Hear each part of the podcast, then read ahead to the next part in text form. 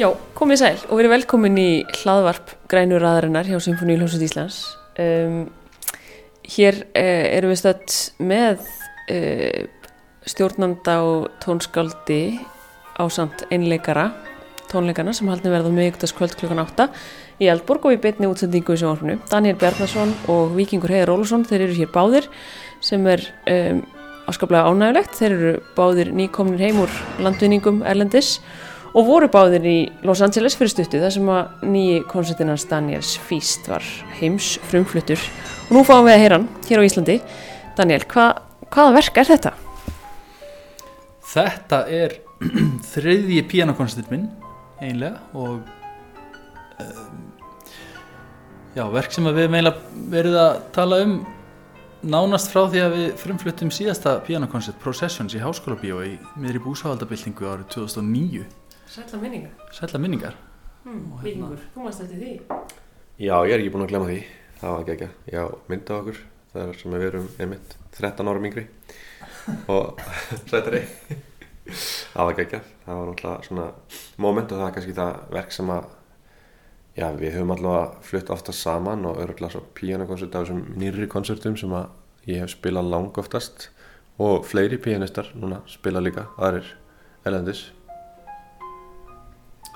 Þannig að já, það var hérna komið að þessum og hann, hann kom að lokum.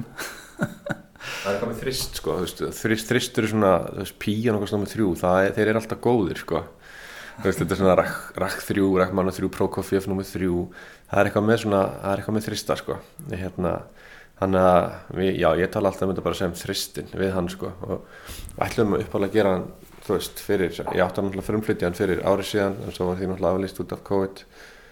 Og ég held að við höfum upprunnilega að tala um svona eitthvað tíu ára plan sko, þú veist, 2009 þannig að 2019 hefði kannski verið við hefðum verið aðeins stundvísari með þetta sko. Hefði verið árið, en nú er bara tíminn og, og þetta er veysla Þetta er veysla, segðu mér aðeins frá kveikinu að þessum konsert, Daniel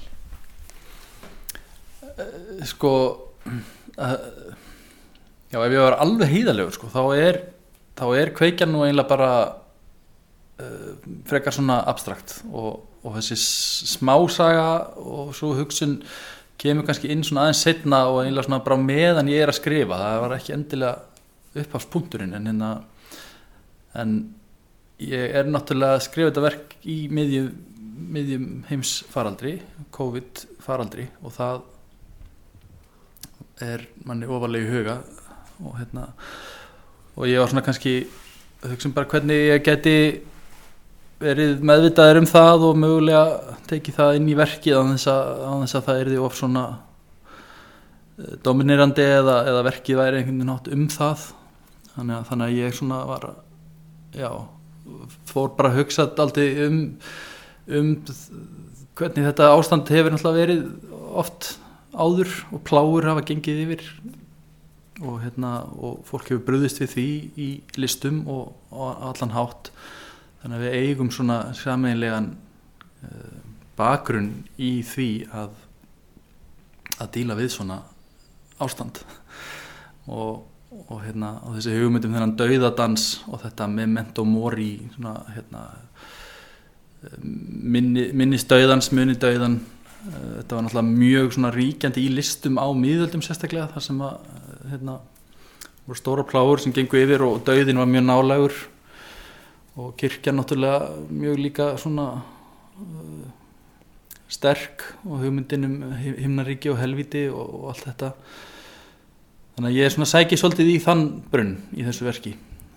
Þú nefndir þessa smásugu uh, það er smásuga eftir Edgar Allan Poe. Hvernig, hvernig kemur hún inn í þetta? Já, um, þetta er saga sem heitir The Mask of the Red Death Það og... við höfum ekki fengið nóga grímum.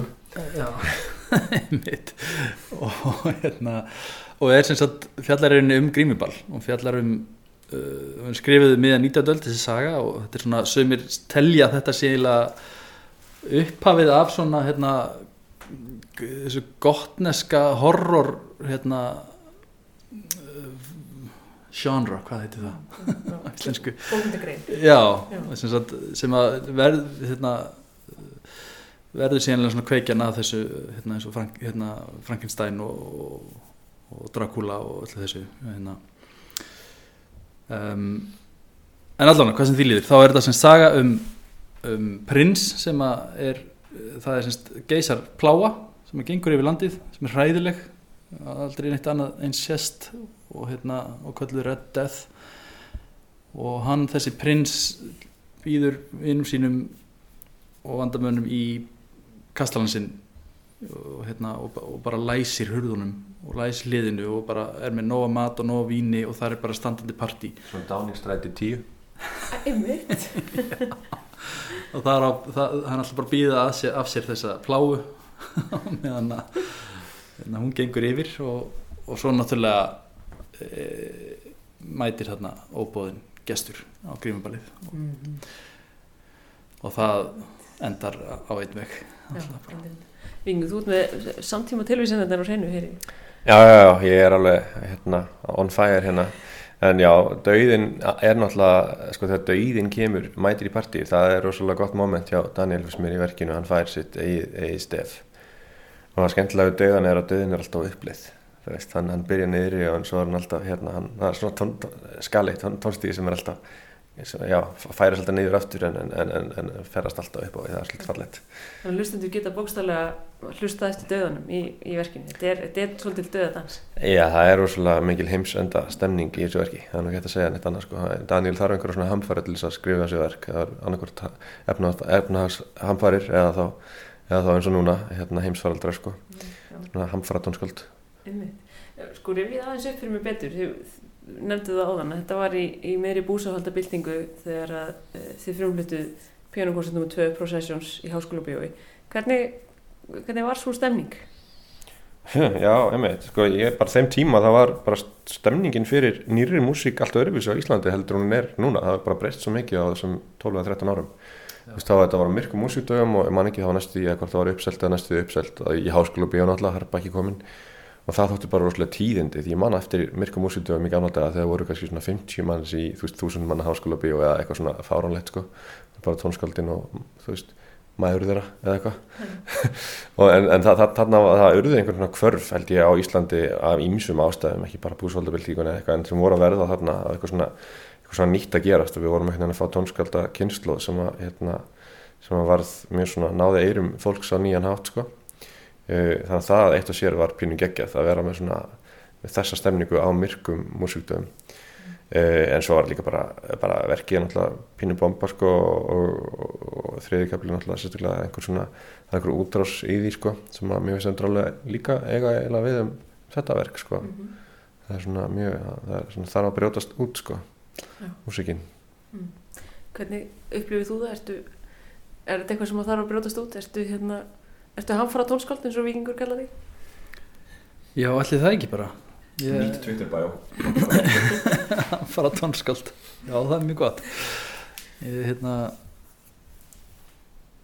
Já, ég man allavega að sko uh, þarna á sínum tíma þegar allt var að fara til fjöndarsina uh, á Íslandi og víðar í efnahagsinu þá þá fann ég svona fannst eins og sko fólk myndi kannski hlusta aðeins öðruvísi heldur en ef þetta væri bara í hérna miðri uppsveiflu 2007 árana það væri svona önnur hérna, stemning. Og mér fannst það svolítið spennandi og kannski frelsandi að einhverju leiti og ég veit ekki það er kannski allt öðruvísi núna en ég held samt líka að, að það er óþreyja í fólki. Það er, það er hérna það er stemning fyrir því að, að fara að setja vélarnar aftur í gang núna og halda áfram með lífið svona án hafta og, og hérna og, og það líka kannski setur mann í einhverja ákveðna stellingar að einhverju leiti. Ég er enda sko að svolítið finna að ég skrifaði mjög stóran hluta af þessu verki í svona aðstæðum eins og þess að lýsir að einhverju leiti í sko kastala á Ítalíu. Þar sem ég var bóðið í sko residensu í Civitella Ranieri þar sem að hérna við vorum í svona mjög aflókuð og einangruðu hérna, umhverju og, og lifðum kannski, ekki kannski vellistingum en það fór ágætlega um okkur og listamenn frá, 15 listamenn frá Mætti döðin líka. Sko það getur vel, vel verið þannig að verið ekki staðar sko. Kannski, kannski var ég bara hérna, með hann, með mér í farangrunum Nei, ég segi svona, nú erum við komin út í eitthvað. En verkir í einum þætti, svo við höldum okkur nú við staðrandi málsins. Mhm. og svo eru margir svona undir svona þættir en tónlistin hættir aldrei að, að flæða sko. En þetta er svona, þetta fylgir samtali, þú veist, það er mjög skemmtilegt. Þó þú hafa samið þetta abstrakt, þá er ótrúlega hvað þetta samt einhvern veginn, hvað þetta fylgir samt sögutræðis, sko, sögunar á einhver, einhver leiti, sko, og endar á mjög svona kaldan hátt uh, sem að, já, sem að píanóð er eiginlega orðið rattlaust, ég veit ekki hvort ég segi neitt meiri það, en, en það er svona svolítið, svolítið skemmtilegt að sem að, svona, sem eins og heyrist svona skella saman í beinum eða beinagrindum. Já, beinigrindin er eiginlega að dansa í lókin sko, dansa, dansa burt. En hérna Já, það, það voru svona tvær myndir í þessari sögu sem ég fannst rosalega magnaðar sko, það var annars vegar náttúrulega þessi hugmynd um að loka loka sér bara af í einhverju svona algleimi og, og, og, og halda partí meðan að heimurinn ferst. Og, svo var uh, hérna, í þessari sögu er talað um klukku, stóra klukku sem er inn í svona einu herbyggi inn í þessu partí sem glemur alltaf á klukktíma fresti og hún er svo óhugulegt í henni hljóðið og, og það er eitthvað með þetta þennan framgang tíman sem að verður til þess að partíið stoppar alltaf og hljómsveitin hættir að spila hvert skipt sem að klukkan ringir og það fer svona einhver skjalt um en svo er bara haldið áfram um og, og það er búið. Og þetta er líka eitthvað sem ég tók inn í verki þetta er svolítið svona leikhúslegt verk að mörgu leiti sko. Einmitt. En það En það ertu náttúrulega í öfnum höndum óperu tónskáld og er, það liggur allt í þér þessi, hérna, þessi leikrann í þáttur. Kannski, finnst þið það eitthvað ég, ég held að svona þessi dramatíska narratífa og svona hugmyndum einhvers konar uh, frásögn og leikhús kannski eða, hérna, er aldrei langt undan í minni tónlist finnst þér hérna, vorum við búin að gleyma döðanum í, í sko, menningu Vesturlanda þú talar um bæði með ment og móri stefið og þessi veisla sem að Pól lýsir, hún er náttúrulega það er svona hliðstætt frásögninni bara í, í Decameron eftir Boccaccio. Þar er, þar er fólki í einangrun og ætlar að hérna, ætlar að vera bara hérna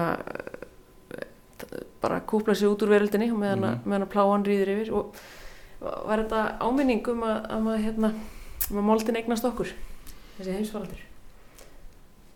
Já, ég held það það með ég alveg segja það. Dauðin er náttúrulega orðin svona mjög kannski hann er náttúrulega til sannlega til staðar og held ég óumflýjanlegur sko en eða hvað, það er náttúrulega líka svona ákveðin sem að mér fannst líka daldi svona áhugavert er náttúrulega hérna þessi hugmynd sem að er núna upp, svona í komin í umræðin um það sko hvort að næsta skref mannkins sé að uh, flýja dauðan, sérst verða ódöðleg og bara með því að verða í rauninni að einhvers konar mann, mannvélum eða, eða tekninni flegi þannig fram að sjúkdómar verði sko læknanleir nánast allir og, og, hérna, og þá er náttúrulega næst spurning er það eitthvað sem er fyrir alla eða er það bara fyrir þá ríku sem að geta sko eins og hliðstæðan í þessari sögu sko bara loka sig af og læst hliðinu og hérna og, og svo stjættaskipting sko sem er ekki hérna endilega kannski komin í dag en er svona orðin samt sínileg milli hérna ofurríku og hinna og, og, og hverjir eru það sem að munu eiga hafa efni á því að, að verða ódöðleir og verða þá einhvers konar guðir halvpartinn á jörðinni. Og, hérna, og, þetta er svona kannski svona meiri hérna hliðarpæling af þessu en, en, en Þetta er ekki það sem ég var að hugsa um þegar ég voru að spila verkið en nú mun ég sjá þetta allt öruvísi. Ég held að ég myndi að spyrja þér næst sko vikingur því að nú, nú erum við með tónskóldi með okkur þetta er svona, þetta er svona eins og í gamla daga þegar tónskóldi nú voru enn að stjórna sínu megin verkum og flytja sínu eigin verk sem að öllum hlýtur að þykja mjög ánægilegt ef þetta er spennandi, þetta er ný músík sem er að vera til og, og tónskóldi sjálftir hérna til þess að fylgja eftir en, en þú ert hérna líka, þú ert flytjandinn þú tekur á móti verkinu, alveg eins og þú gerðir hérna, Mm. fyrir, í, í, í pianokoncert nr. 2 Hver- hvernig upplifur þetta verk og, og sko, hvernig upplifur Daniel sem tónskáld? Finnst þér hann hafa þróast og breyst og þroskast síðan síðast? Já, ég bara get mig gleði sagt að hann hefur gert það. Leðilegt ef að svari væri annars eðlis. Nei, er þetta ekki svona eins og með bóðarinn, þú veist, heiðraskaltu föðun og móður og, og tónskáld verkana sem spilar. þú veist, er það ekki eitthvað neð þannig, en, en auðvitað má maður ekki, þú veist, hérna samt heiðra fólkdur sína veist, þegar þau hafa ránt fyrir sér. Og, og, og þetta er alveg sama með að vinna með tónskáldum. Tónskáld vita ekki það er ekkert ein lausn á þessum stóru spurningum sem tónlist er veist, og, og þetta verk býður upp á rosalega ólíka nálganir. Ég var náttúrulega með Esa Pekka Salonen út í Los Angeles og Daniel var bara í salnum sko. og svo er þetta bara allt annað verk náttúrulega núna og, og, og ég held bara hérna, ekki síra, þú veist, með sinfoníinu og, Daniel sjálfum að stjórna. Og svo verður það öðruvísi á næsta, veist, þannig að þetta er svona það er alltaf mínu einsla sko að hérna elska og, og virða tónskáldin en, en, en ekki, að, ekki, að, ekki að þú veist samt ekki að slökka á forrötninu og spurningunum sko og Ætlar það ólýðnast honum? ég veit það ekki, kemur ljós já. Hvernig fannst þið Salonen handir þetta? Var hann, var hann að ná þessu? Hann var ágættur sko Já. já, já. Hann gerði þetta mjög vel hann var skítrættu við þetta sko, þetta er svo erfitt verk fyrir stjórnanda sko og hérna, þetta er ekkert, þetta er, er ekkert grín þetta er, veist, þetta er alltaf tveir taktar sem við erum í sömu taktinu, þetta er alltaf bara þetta er svona dans sem að er stöðugt að breytast sko, og margt af þessu er mjög hröð músík, verki byrjar bara einhvern veginn eins og í miðju partí sko, bara, og ekki bara eitthvað þegar gesturinn er að mæta. Það er alltaf lungu komið á stað þegar, þegar fyrsti takturinn, þegar við mætum sko, það er svo við sem að koma inn í partí, þú veist, en það eru, það eru margi komnir á undan okkur sko og það sem hann skrifar er ekki Allegro eða þú veist Presto eða eitthvað Vivace eitthvað svona leðinda yfirskrift heldur skrifar hann Reveling and Roisterus sem er eiginlega bara reynilega þú veist Howard Party það er eiginlega að við getum skrifað það líka það er nokkur neginn svona þetta er svona þetta er rudd, rudda party sko Já, þetta er svolítið, það er sökk. En þú ert nú, hefur, hérna, beitt svona meðalum áður, in medias res, þú ert svolítið fyrir það að stökka inn í meði aðrörars með, með áhengatan. Já, það er svona það sem ég veist svolítið gaman að nota. Það er nákvæmlega, sko, byrjunin á koncept er ótrúlega lík byrjunin á Procession svo að verkið sé allt öðruvísi. Já. það er svolítið skemmtilegt. Og lokina einhver leiti líka. Þetta er svona, það er ískalt og, og deyr út á einhvern svona óþægilegan hátt sko. En nú, veit- það er ein spurning sem ég ætla bara að nefna því ég veit að, að margir hugsa um það því að annar píanókonsertin náði svo mikil útbreyslu og, og hlustun sem er auðvitað frábært. Að margir velta fyrir sér hvað er píanókonsert nummer eitt? Það hafi ekki margir heyrt hann. Nei, hann er hann, sko ég samti hann það var útskriftaverkið mitt úr Tóno 2003 og er svona einhverju leiti svona æsku verk sko en hérna en hann er samt til, hann er svolítið spes hann er fyrir eitt píanuleikara en tvö píano, það er bæði spilað á venjulegan koncertflíil og svo undirbúið upprétt píano, breyfarið píano en hann Helgadóttir spilaði á sínum tíma og svo vel En sko þetta verk fekk síðan nafnið einlega Solitudes og er til sem slíkt í upptöku og er aðgengilegt. Það bara fatt ekki allir held ég að það sé þetta verk. En hérna En fórveitnir geta fundið það. já, fór þetta ekki að fundið það undir því, undir því nafni. Og píanóið hefur náttúrulega verið, það var náttúrulega þitt hljóðfæri þú, já og á þessari upptöku spila ég pianopartin sjálfur sko, Mhm. sem voru reyndar mögulega mistök. En, en það var þannig já, En það hérna- hefur ekki freist að, að dömpa píanistinum og, og spila þetta verk sjálfur. nei, svo sko þetta það var var ekki sens í þetta sko. Það er svo svo mikið.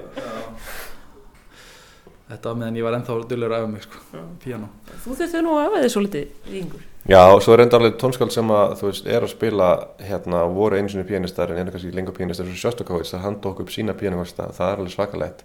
Því að hann er svo stressaður sem pianisti á þessum, í þessum verkum sko og það er bara, það er mjög óþægilegt. Það er svo mikið flýtir og þetta er alveg hrikalegir performansar en, en allir einhvern veginn látur að þetta sé sannleikurinn að því að þetta var þráttur allt hann sko ég þurfti aðeins mér mjög mikið eins og, eins og þú veist uh, Kann að hafa uh, orðið. ef við stuttum tíma, já en, en þetta var svona, þú veist það var alveg svona smá áskorun þú veist, Mhm, þetta var já. svona hérna, Daniel náttúrulega setti notaði- smá lífshættu í þetta, þetta ferli. hann gerði alltaf sko en ég notaði hérna, þú veist, já ég notaði sko eiginlega einasta hálftíma sem ég átti allan januar og alltaf í desember því ég gatt eh, til að læra verkið en ég spila náttúrulega 20 tónleika annar staðar líka sko. Með, öðru- og, og frumfluti annan píaningvarsett sko í hérna Helsingi og, og svo í Stokkólmi þú veist, middeltíðinni sko, í janúar og februar en það var smá lífsætta á þannig hátt en samt Þú líka aðeins meira upptekinn núna en þú varst þarna fyrir 13 árum þegar við vorum að gera Já, en þú vissi það líka alveg en en hérna, ég var alveg búin að segja það sko. En, en, en hérna, ég var búin að senda honum sko mynd af planinu mín veginn fyrir árið síðan og segja hann að hann er að skila mér þessu fyrsta júni þegar hann var svona um það fyrir að byrja að skrifa verki En svona er þetta, sko, dauðu tónskáldin, þau skilja alltaf á réttum tíma. En lifandi tónskáldin eru lifandi tónskáld og, það verður bara þólaðin það. Já, ég hitti Esa Pekka Salonen í öðru samhengi í, hérna, í Kaliforníu hérna í september og þá var hann eitthvað, er Daniel búin að láta að fá verkið? Ég bara, nei, og ég held að hann sé ekkert nála því. Hann bara, nei, auðvitað ekki, hann er tónskáld. Hann er alltaf sjálfur tónskáld sko, hafði alveg fullan skilning á þessu eins og fekk hann alltaf verkið, þú veist, þess að að- það er svona tiltölulega seint Mhm. og var alltaf stressaður, þetta er alltaf ekkert grín sko. En það var svolítið gaman. Mér varst, hérna hljómsveitin alltaf var frábær í LA sko og, og hann var, hann var frábær, þú veist. Þannig að þetta var rosa mikil, þetta var veistla sko. Mm. hvernig kom þessi titill? Var hann, var hann með frá upphafi? Nei, hann kom bara ég var með svona einhverja undirtitla og, og var rosalega mikið að vesinast með þetta og ég var ofta að senda svona eitthvað, sendi vikingi en þá var hann alltaf bara svo upptikinn við að reyna að læra músíkina, hann hafði engan tíma til að vera eitthvað að hugsa um einhverja titla. En svo held samt að það hafi eiginlega verið vikingur sem að veitti loks þetta orð út úr súpunni hann sem var komin? Sendi mér sjö undirtillana sko og það er eitthvað svona, við vorum að tjata á Whatsapp þetta var veist viku fyrir frumflutning sko löngu búið að prenta verki sko ja, ekki löngu en búið að prenta það, sko þannig að hérna, þetta var mér fannst þetta bara að vera sko, þetta er eitthvað svo svona svo ótrúlega lokkandi titill sko. Og hérna feast, þetta er, þú veist, það er attitude og sjálfströst en, en svo er það líka bara þetta, það er verkið, það, það er eitthvað frásagnin það er Feast. þetta er líka nafnorð og getur verið sko sagnorð sko þannig að að Já, mér finnst þetta líka að geta verið bara eitthvað sem gæðir sér á einhverjum Einhverjum eins og svolítið svona, já, getur jafnvel verið svolítið ógulegt sko. En mér finnst líka að geta bara F getur farið út fyrir B léttilega, þetta getur verið beast það var alveg beast að læra sko það er ekki langt frá. þetta fara í margar áttir sko. En það eru ymsið þræðir sem tengja þessa efnisgrá í hilsinni. Um, Mér finnst þetta mjög gaman að heyra þetta með þessar klukkur, þessar dómstagsklukkur sem að hérna, klingja í verkinu því að uh, annað verk á efnisgráni er uh, eftir Maríu Huld Markan Sigfúrsdóttur Clockworking, það er dásanlega verk sem hefur nú hljómað áður á symfóníutónleikum og, og að því að þið nefnið líka þessa umbreytingu sem eru orðið á stöðu íslenskar samtíma tónlistar, kannski síðan að þið frumflutu síðan, sí, síðast saman koncert. Hún er eina af þeim frábæru ungu tónskáldum sem að, hérna, já, ungu, bara, bara á, á svona hátindi síns sköpunarferil sem, að, hérna, sem er með í þessari uppsveiflu íslenskra tónlistar og svo er þarna verk eftir um, ekki íslensk tónskáld, bandarist tónskáld, John Adams, sem hefur nú verið svona örlagavaldur á, á þínum ferli og, og, og hérna, það eru svona þessar opnu gáttir uh, út fyrir landsteinana yfir í, yfir í stóru salina fyrir austan og vestan. Um, segð mér aðeins frá þessu til dæmis tengstum þínum við, við hann sem tónskáld.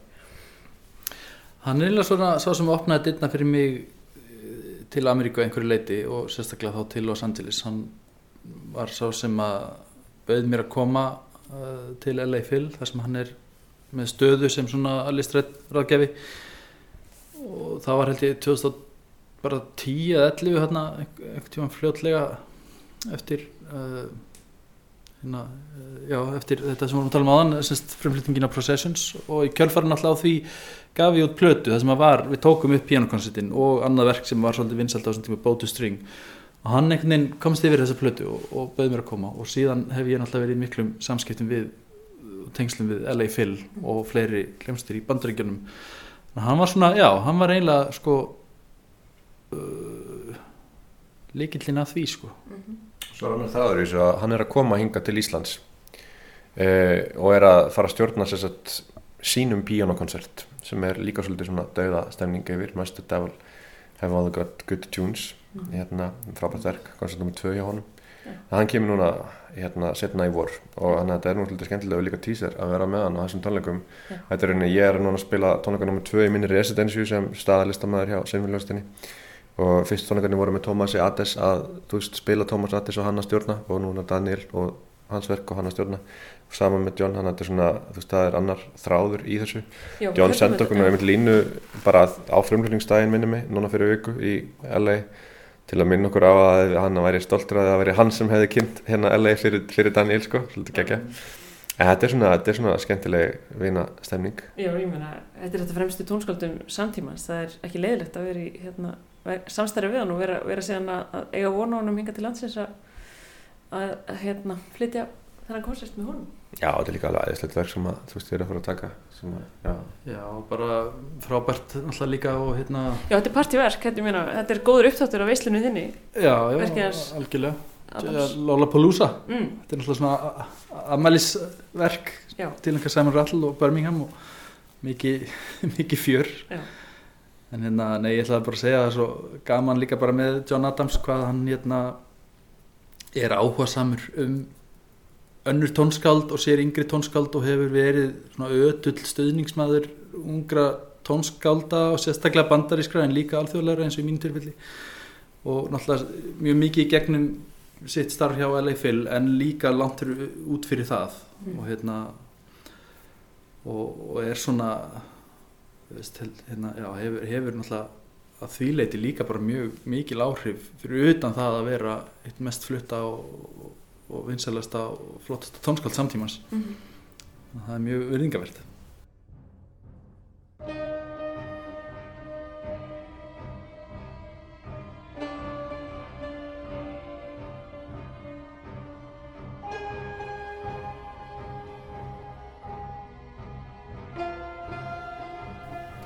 dásalegt Þannig að ég vænti þess að þið hlakkið svolítið til eða skjálti ykkur, fyrsta æfing á morgun Nei, ekki beint sko, en ég ætla samt að fara að æfa mig, þannig að við þurfum að ljúka svo viðtali. Já, Já, ég þarf eiginlega að fræða mig líka. Þá verðum við bara að segja þetta gott. Við getum allavega að láta okkur laka til og við fylgjumst með á miðgutaskvöldi klukkan 8 Takk ykkur kjærlega fyrir og við Takk. sælir